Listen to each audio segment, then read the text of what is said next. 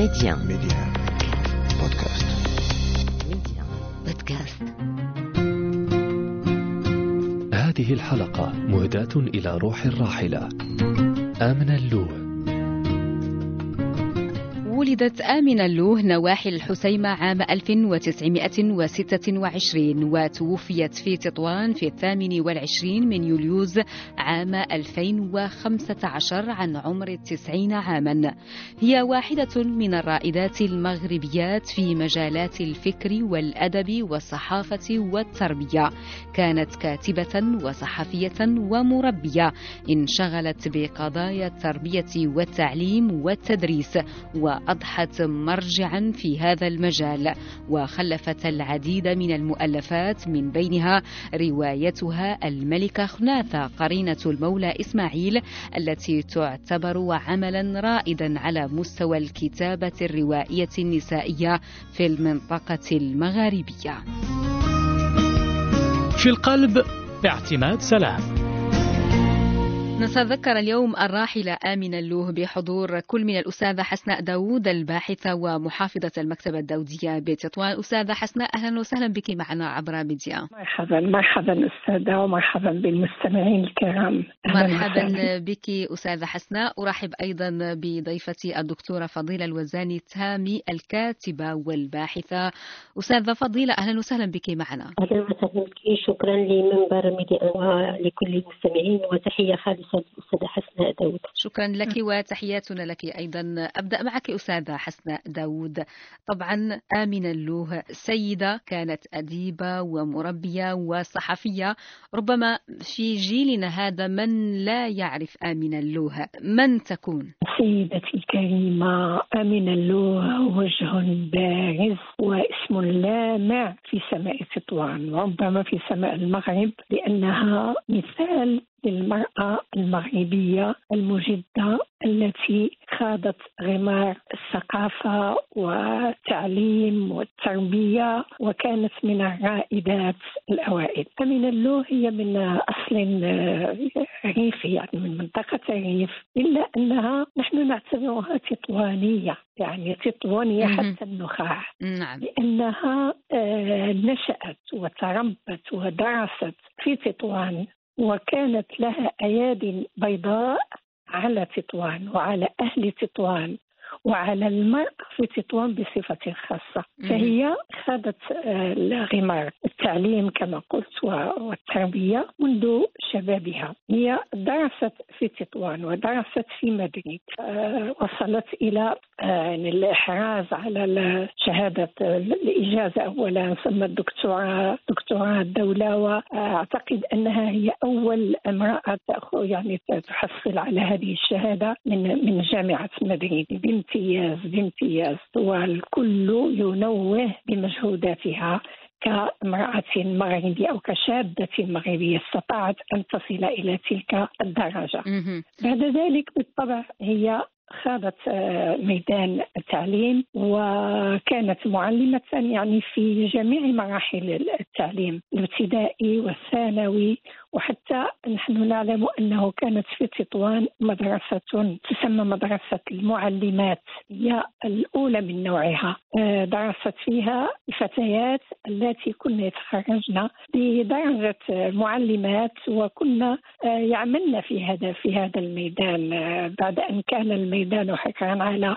على الذكور فقط يعني نعم. الأجيال الأجيال الأولى من من المعلمات في بمدينه تطوان أو ربما بالمنطقة كلها كان الفضل الأول والأكبر في ذلك للدكتوره امينه اللوح. نعم. أمين اللوح التي كانت تسهر على تعليمهن وعلى إعدادهن وعلى أن يكن يعني هي هي نفسها كانت قدوة لهن نعم فكنا يعلمن على أن يكن مثلها فعلا. سنعود لاهتمام آمنة اللوه بالفتاة نعم. المغربية وبتعليمها نعم. وهذا أمر كان شغلها الشاغل آه، قبل تماماً. ذلك آه، دكتورة فضيلة الوزاني نعم. تهامي في مقالك الذي آه، عنوانه آمنة عبد الكريم اللوه المعلمة ورائدة الأدب والصحافة بشمال المغرب وهو مقال ثري وغني حقيقة حقيقة قلت نمنح الريادة للأديبة الراحلة الدكتورة آمنة ونحن لا نشك أن هذه السيدة تستحق هذه الصفة بالفعل لماذا آمنة اللوه رائدة؟ أستاذ اعتماد هو الحقيقة هذا المقال كان ضمن ندوة بمجلس العلمي المحلي لمدينة شبشاون نساء رائدات في شمال المغرب وأنا لم لم أجد صعوبة في اختيار الدكتورة السيدة أمينة عبد الكريم اللوه هي امرأة يمكن أن نقول عنها ما نصطلح عليه في التراجم. هي المرأة المشاركة. ما معنى المرأة المشاركة؟ أي أنها مرأة شاركت في كل العلوم. فهذه الصفة كانت تمنح لأولئك العلماء الذين يكتبون في في الأدب وفي وفي الفقه وفي في الطب هذه السيدة أيضا من دراستها استطاعت أن تشارك في كل العلوم في وقت مبكر جدا. هي كانت محدوده لأنها تنتمي إلى أسرة سياسية وعلمية متفتحة جاءت إلى مدينة تطوان أيضا. ولكن أيضا نحن كنا محدودون لأن هذه السيدة كان معها الكثيرات من الطالبات والتلميذات في هذه المرحلة لم يبرزن ولكنها برزت ووصلت خلال السنوات الطويلة التي عاشت حياتها تلميذة في المدرسة ثم في المدرسة الثانوية ثم معلمة ثم مديرة ثم أنها أيضا أصبحت خبيرة في الأكاديمية المملكة المغربية. نعم. وهذا المنصب آه، لا يتصل إليه المرأة بسهولة. هي أيضا كانت امرأة مشاركة في مؤتمرات للمرأة خارج آه، خارج المغرب في مرحلة مبكرة جدا. وحتى عندما وصلت إلى هذه المراتب العلمية والوظيفية وأضع خطا تحت الوظيفية لم تقف عند هذا الحد. أيضا كانت تسافر بشكل مضطرد إلى إسبانيا إلى غرناطة بالتحديد لإتمام دراستها باللغة الإسبانية وكان ذلك محفزا لها للاشتغال بالترجمة أيضا. ثم انتقلت إلى آه، التأليف. والتأليف جاء عبر المقالة الصحفية ثم المقالة السياسية ثم المقالة الأدبية في ما بعد. فلهذا أنا أتصور أن هذه المرأة المشاركة العالمة المشاركة تستحق بالفعل لقب الريادة. نعم ومجالات ريادتها متعددة. طبعا دكتورة فضيلة أستاذة حسناء داود قبل قليل تطرقت إلى آه، اهتمام الراحلة امينه اللوه بالفتاه المغربية بتعليمها آه، الحرص على أن تكون في وضع أفضل وأن يكون لها مستقبل أفضل وأعتقد بأنها بذلت جهدا كبيرا بهذا الصدد. هي كما ذكرت ذكرت الدكتورة فضيلة هي رائدة من الرواد وهي مساهمة منذ شبابها في مجال العناية بالمرأة والعناية بالفتاة.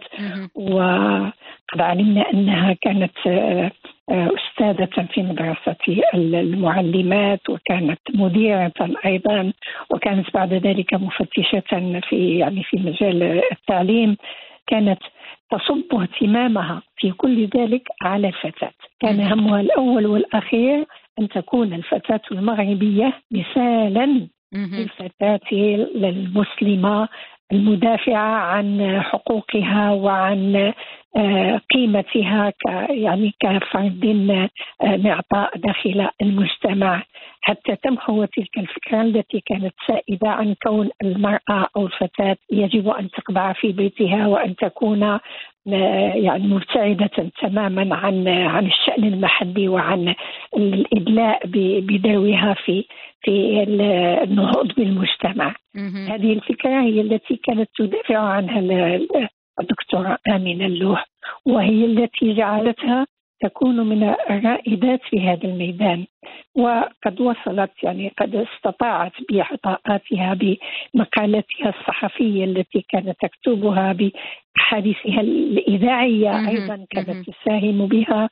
آه وصلت إلى أن تكون عضوا في اللجنة الملكية لإصلاح التعليم لأننا نعلم أن المغرب قد مر ب يعني بمراحل متعددة يحاول فيها أن أن ينظم إداراته وأن ينظم مختلفة الجهات التي تهتم بالتعليم وبالنهوض سواء بالفتيان أو بالفتيات فكانت الأستاذة أو الدكتورة آمنة دائما من المدافعات في في هذا الحقل. نعم. وكتابتها تشهد بذلك وأحاديثها وكل ما يكتب عنها يشهد بذلك. ولله الحمد. آه، وقد كانت أيضا الدكتورة آمنة اللوه آه، عضوا في الوفد النسوي برئاسة الأميرة. للعائشة كريمة الملك نعم. محمد الخامس في مؤتمر. الاتحاد النسائي العربي بدمشق وكان أول. مؤتمر نسائي عالمي تشارك فيه نعم المرأة المغربية خارج الوطن آه، دكتورة فضيلة لابد من التوقف عند هذه التجربة الخاصة بالبرنامج الإذاعي في ذلك الوقت ولا شك أنها كانت سابقة آه، برنامج آه، فتاة تطوان تخاطبكم أو حديث الخميس وكانت تتحدث فيه آه، طبعا عن الفتيات وتدعو أولياء الأمور إلى تعليم آه، بناتهم وأيضا تتحدث عن الأسرة بشكل خاص في هذا البرنامج الإذاعي. نعم وبالنسبة ل- لمساهمة السيدة في المجال الصحفي المسموع سبقه مجال صحفي مكتوب. أنه ع- أن عندما فتح لها هذا الباب وشاركت فيه وحققت نجاحا خاصة من خلال بعض المجلات المحلية وال- والإسبانية مثل المعتمد ومجلة السوس العالمة بدأت تبث مقالات مقالاتها بشكل مستمر أسبوعي في هذه المجلات وتعلمت أيضا فن كتابة المقالة في خلال هذه الحقبة. فربما كان هذا هو السبب الذي منحت الثقة آه، لتتحدث إلى الناس من خلال إعلام الصحفي الذي هو كان إذاعة آه، درسة. وجاء هذا هذا الاختيار آه، من خلال برنامجين. كان برنامج هناك حديث الخميس ثم. برنامج آخر فتاة تطوان تخاطبكم كان يذاع بشكل أسبوعي.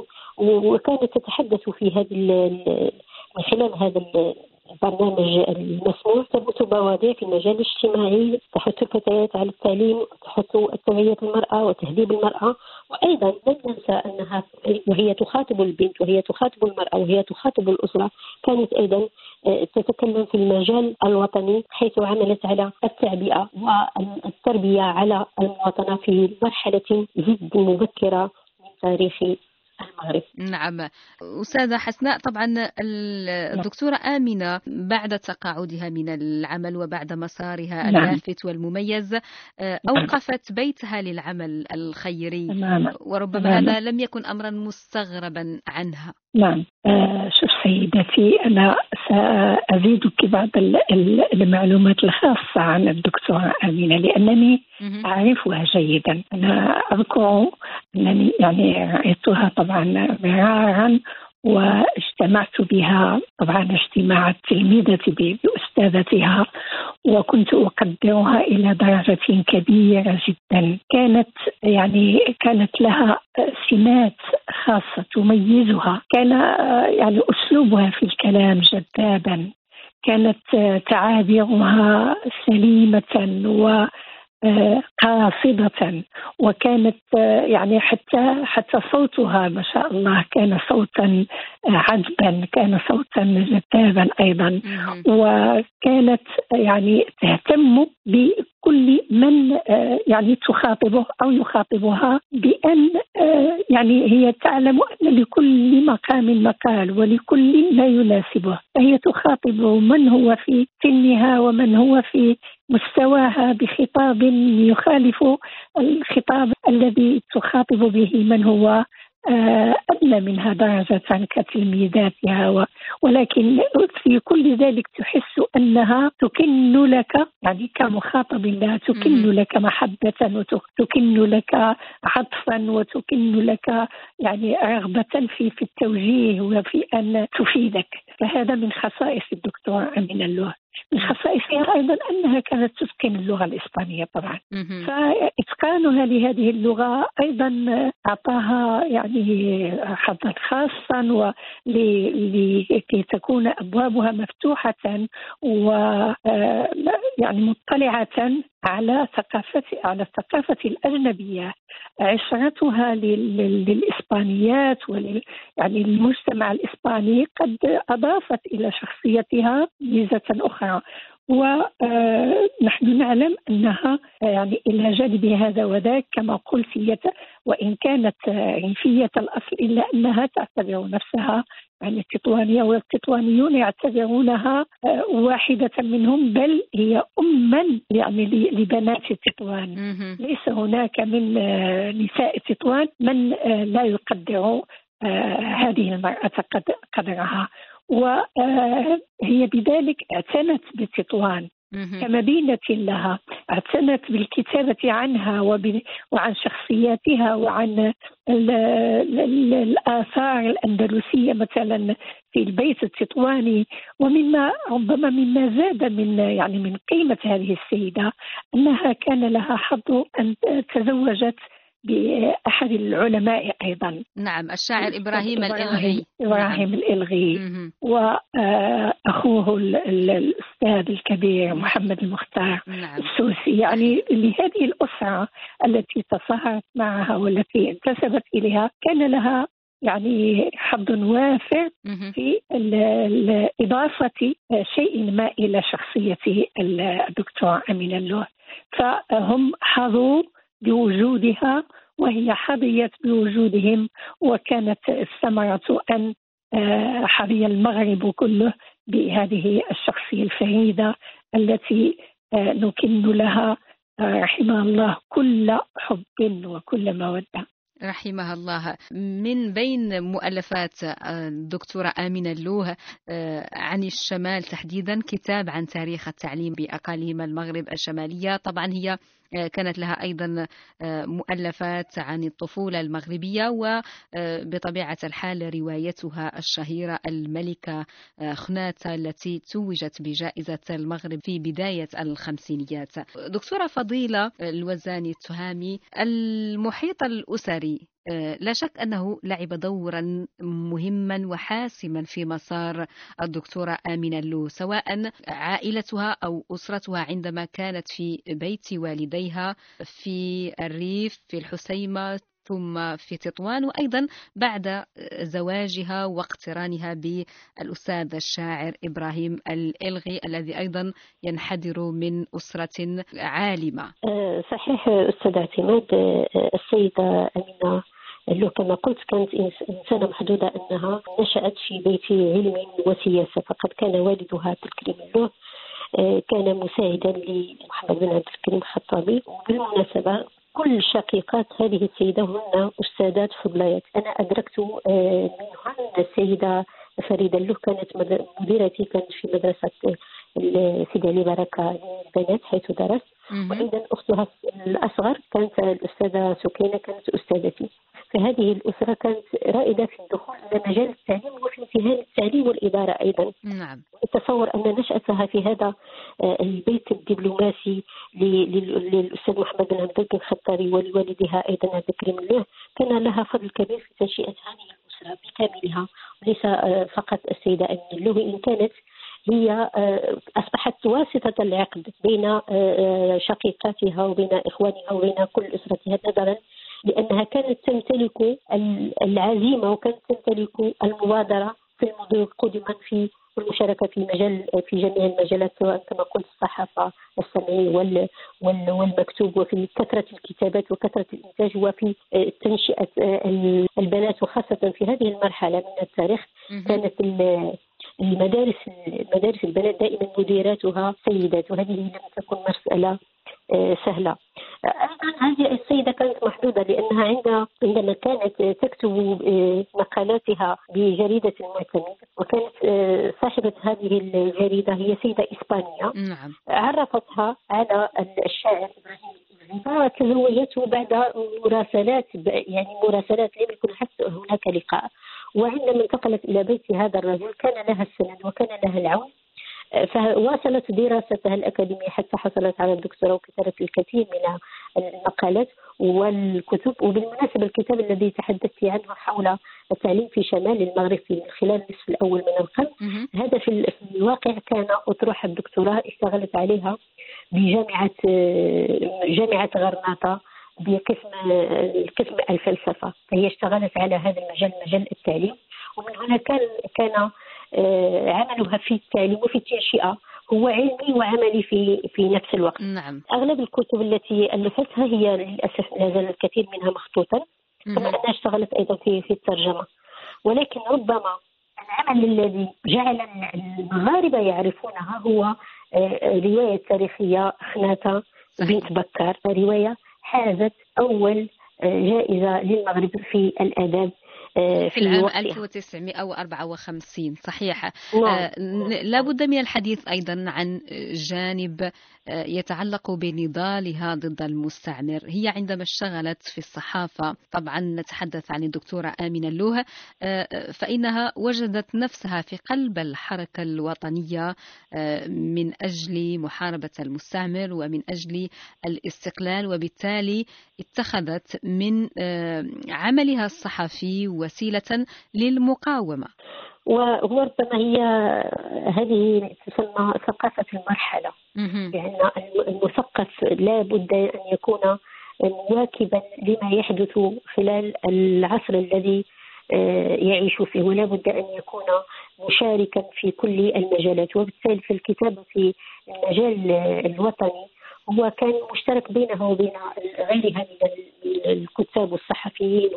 والعلماء والمثقفين في هذه المرحلة وكانت لها الريادة أيضا لأنها كانت امرأة وكانت تكتب في جريدة الريف الذي آه، كان يحررها الأستاذ سامي الوزاني الوطني المعروف فبالتالي كانت هناك قواسم مشتركة وكان هناك وعي وطني مشترك بين الناس من أجل الخوض في هذا المجال ويعتبرون التعليم وتوعية المرأة داخل داخل الأسرة هي أولى آه، الأولويات. اللبنات. الأولويات التي ينطلق منها العمل الوطني والتوعية الوطنية وخلق روح الهوية المغربية ومقاومة ال- ال- الاستغلال ومقاومة محو الهوية المغربية مهم. التي كان يعمل عليها الاستعمار سواء الاستعمار الفرنسي والإسباني من أجل بث سيطرته لا السيطرة العسكرية فقط ولكن السيطرة الفكرية على المجتمع وبالتالي هذه نعم. السيدة كغيرها من مثقف العصر كان لها هذا الوعي المبكر مهم. بضرورة الحفاظ على الهوية ومن أجل آه، الوطن ومثل من أجل تحرير الوطن. نعم. آه، دكتورة فضيلة الوزاني لا بد من الحديث عن آه، أيضا حجم تواضع هذه السيدة آمنة لو. كانت متواضعة وكانت زاهدة لدرجة مثلا أنه آه، بعد كل الخدمات التي قدمتها وبعد كل مسارها كانت حتى ربما تستعظم أن يتم تكريمها على سبيل المثال. آه، صحيح صحيح. وهذه المسألة ربما هي تنفرد بها عن غيرها. في هذه السيدة عاشت عاشت مدة غير قصيرة هي تجاوزت سن التسعين قضت آه، ربما ربع هذا العمر في مدينة الرباط مع زوجها. ثم في مرحلة ما عند التقاعد وجدت أن علي أن العمل الوظيفي انتهى وعليها أن تبدأ العمل الاجتماعي فعادت إلى مدينة طنجة واشترت بيتا آه، أوقفته وحولته إلى مركز للدراسات القرآنية والبحث العلمي. هذا البيت الذي أوقفته لله تعالى بعد وفاة زوجها الغي. ومع ذلك فأنا أستغرب وأتمنى أن أكون مخطئة. أن هذه السيدة لم أجد اسمها على على مدرسة من المدارس وأتمنى أن أكون مخطئة بالفعل. إسمها غير موجود في في أروقة من الأروقة ال- ال- العلمية لا بكلية الآداب ولا الأصول ولا غيرها من المراكز. إسمها غير موجود في أي شارع من شوارع المدينة التي احتضنتها طفلة صغيرة ودف- ودفنت آه، في في مقبرتها. فأتصور أن لو هذه السيدة كانت بالفعل تطمح إلى مجد دنيوي, لحققته وهي خبيرة الأكاديمية المملكة المغربية بمدينة الرباط فهي كانت تبتعد عن الأضواء. صحيح. كانت تبتعد عن الأضواء وكانت زاهدة لأنها تعتقد أن آه، رسالتها تكمن في أن تخدم المجتمع لا. أن تخدم مصالحها الشخصية والمملكة المغربية والمغرب والوطن أعطاها الكثير وهي أيضا أعطته الكثير فلهذا هي رفضت التكريم في آخر آه، أيامها وأتصور نعم. أن أن هذا التاريخ قريب جدا ولو كرمت في هذا التاريخ لا- لعرفت لأنها لم تتوفى إلى 2015 مهم. وأنا بنت مدينة تطوان بالفعل اسمها لم يرد مطلقا بين مكرمين لا في المدارس ولا في المراكز ولا في الجامعة ولا في أي مكان. وأتمنى أن أكون مفتي أو أستاذ اعتماد. أتمنى أن يكون بالفعل اسم هذه السيدة موجود في مدرسة من المدارس. نعم على كل هي تستحق تكريما أكبر من فقط مجرد إطلاق اسمها لأنها آه، آه، كانت رائدة ولأن المرأة المغربية اليوم مدينة لها بالكثير. سأطلب نعم. منك أستاذة حسناء نعم. كلمة إلى روح آمنة اللوه كلمتي إلى أستاذتي الدكتورة آمنة اللوه أنني لا يمكن أن أنسى أبدا أياديها البيضاء.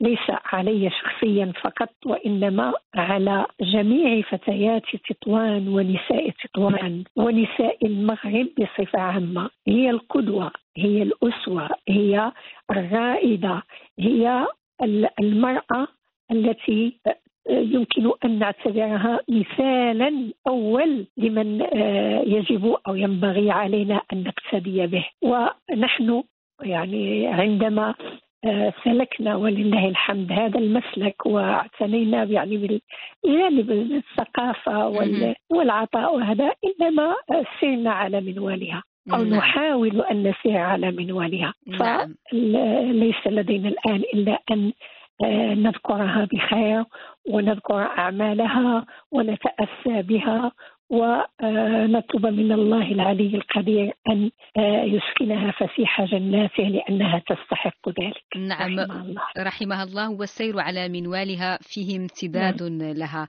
آه، دكتورة فضيلة سأطلب منك أيضا كلمة إلى روح الراحلة في ختام هذا اللقاء. حياها الله من روح طيبة متفانية أديبة واعية. أنا تعلمت منها الكثير. أنا تعلمت منها كثير عندما قدمت آه، شاركت في ندوة بمقال عنها.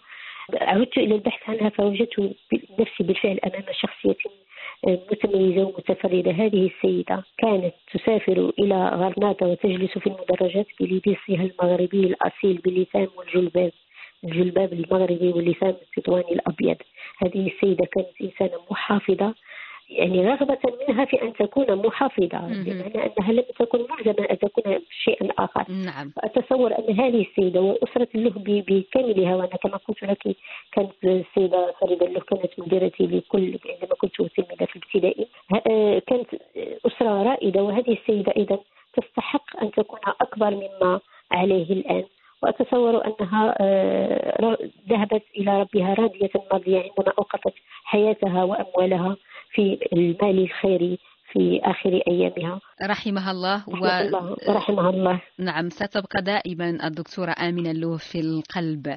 كل شكر لك الدكتورة فضيلة الوزاني التهامية الكاتبة والباحثة. شكرا جزيلا لك. ولك كل المنى أستاذة اعتماد ولميديا وللسيدة حسنة داوود ولكل المستمعين الكرام وإلى لقاء آخر إن شاء الله. إن شاء الله. شكرا لك يا الأستاذة حسنة داوود. شكرا جزيلا لك ولإذاعة ميديا وللأخت الفاضلة آه، دكتورة فضيلة الوزاني ولجميع المستمعين الذين يتتبعون معنا هذه الحلقة.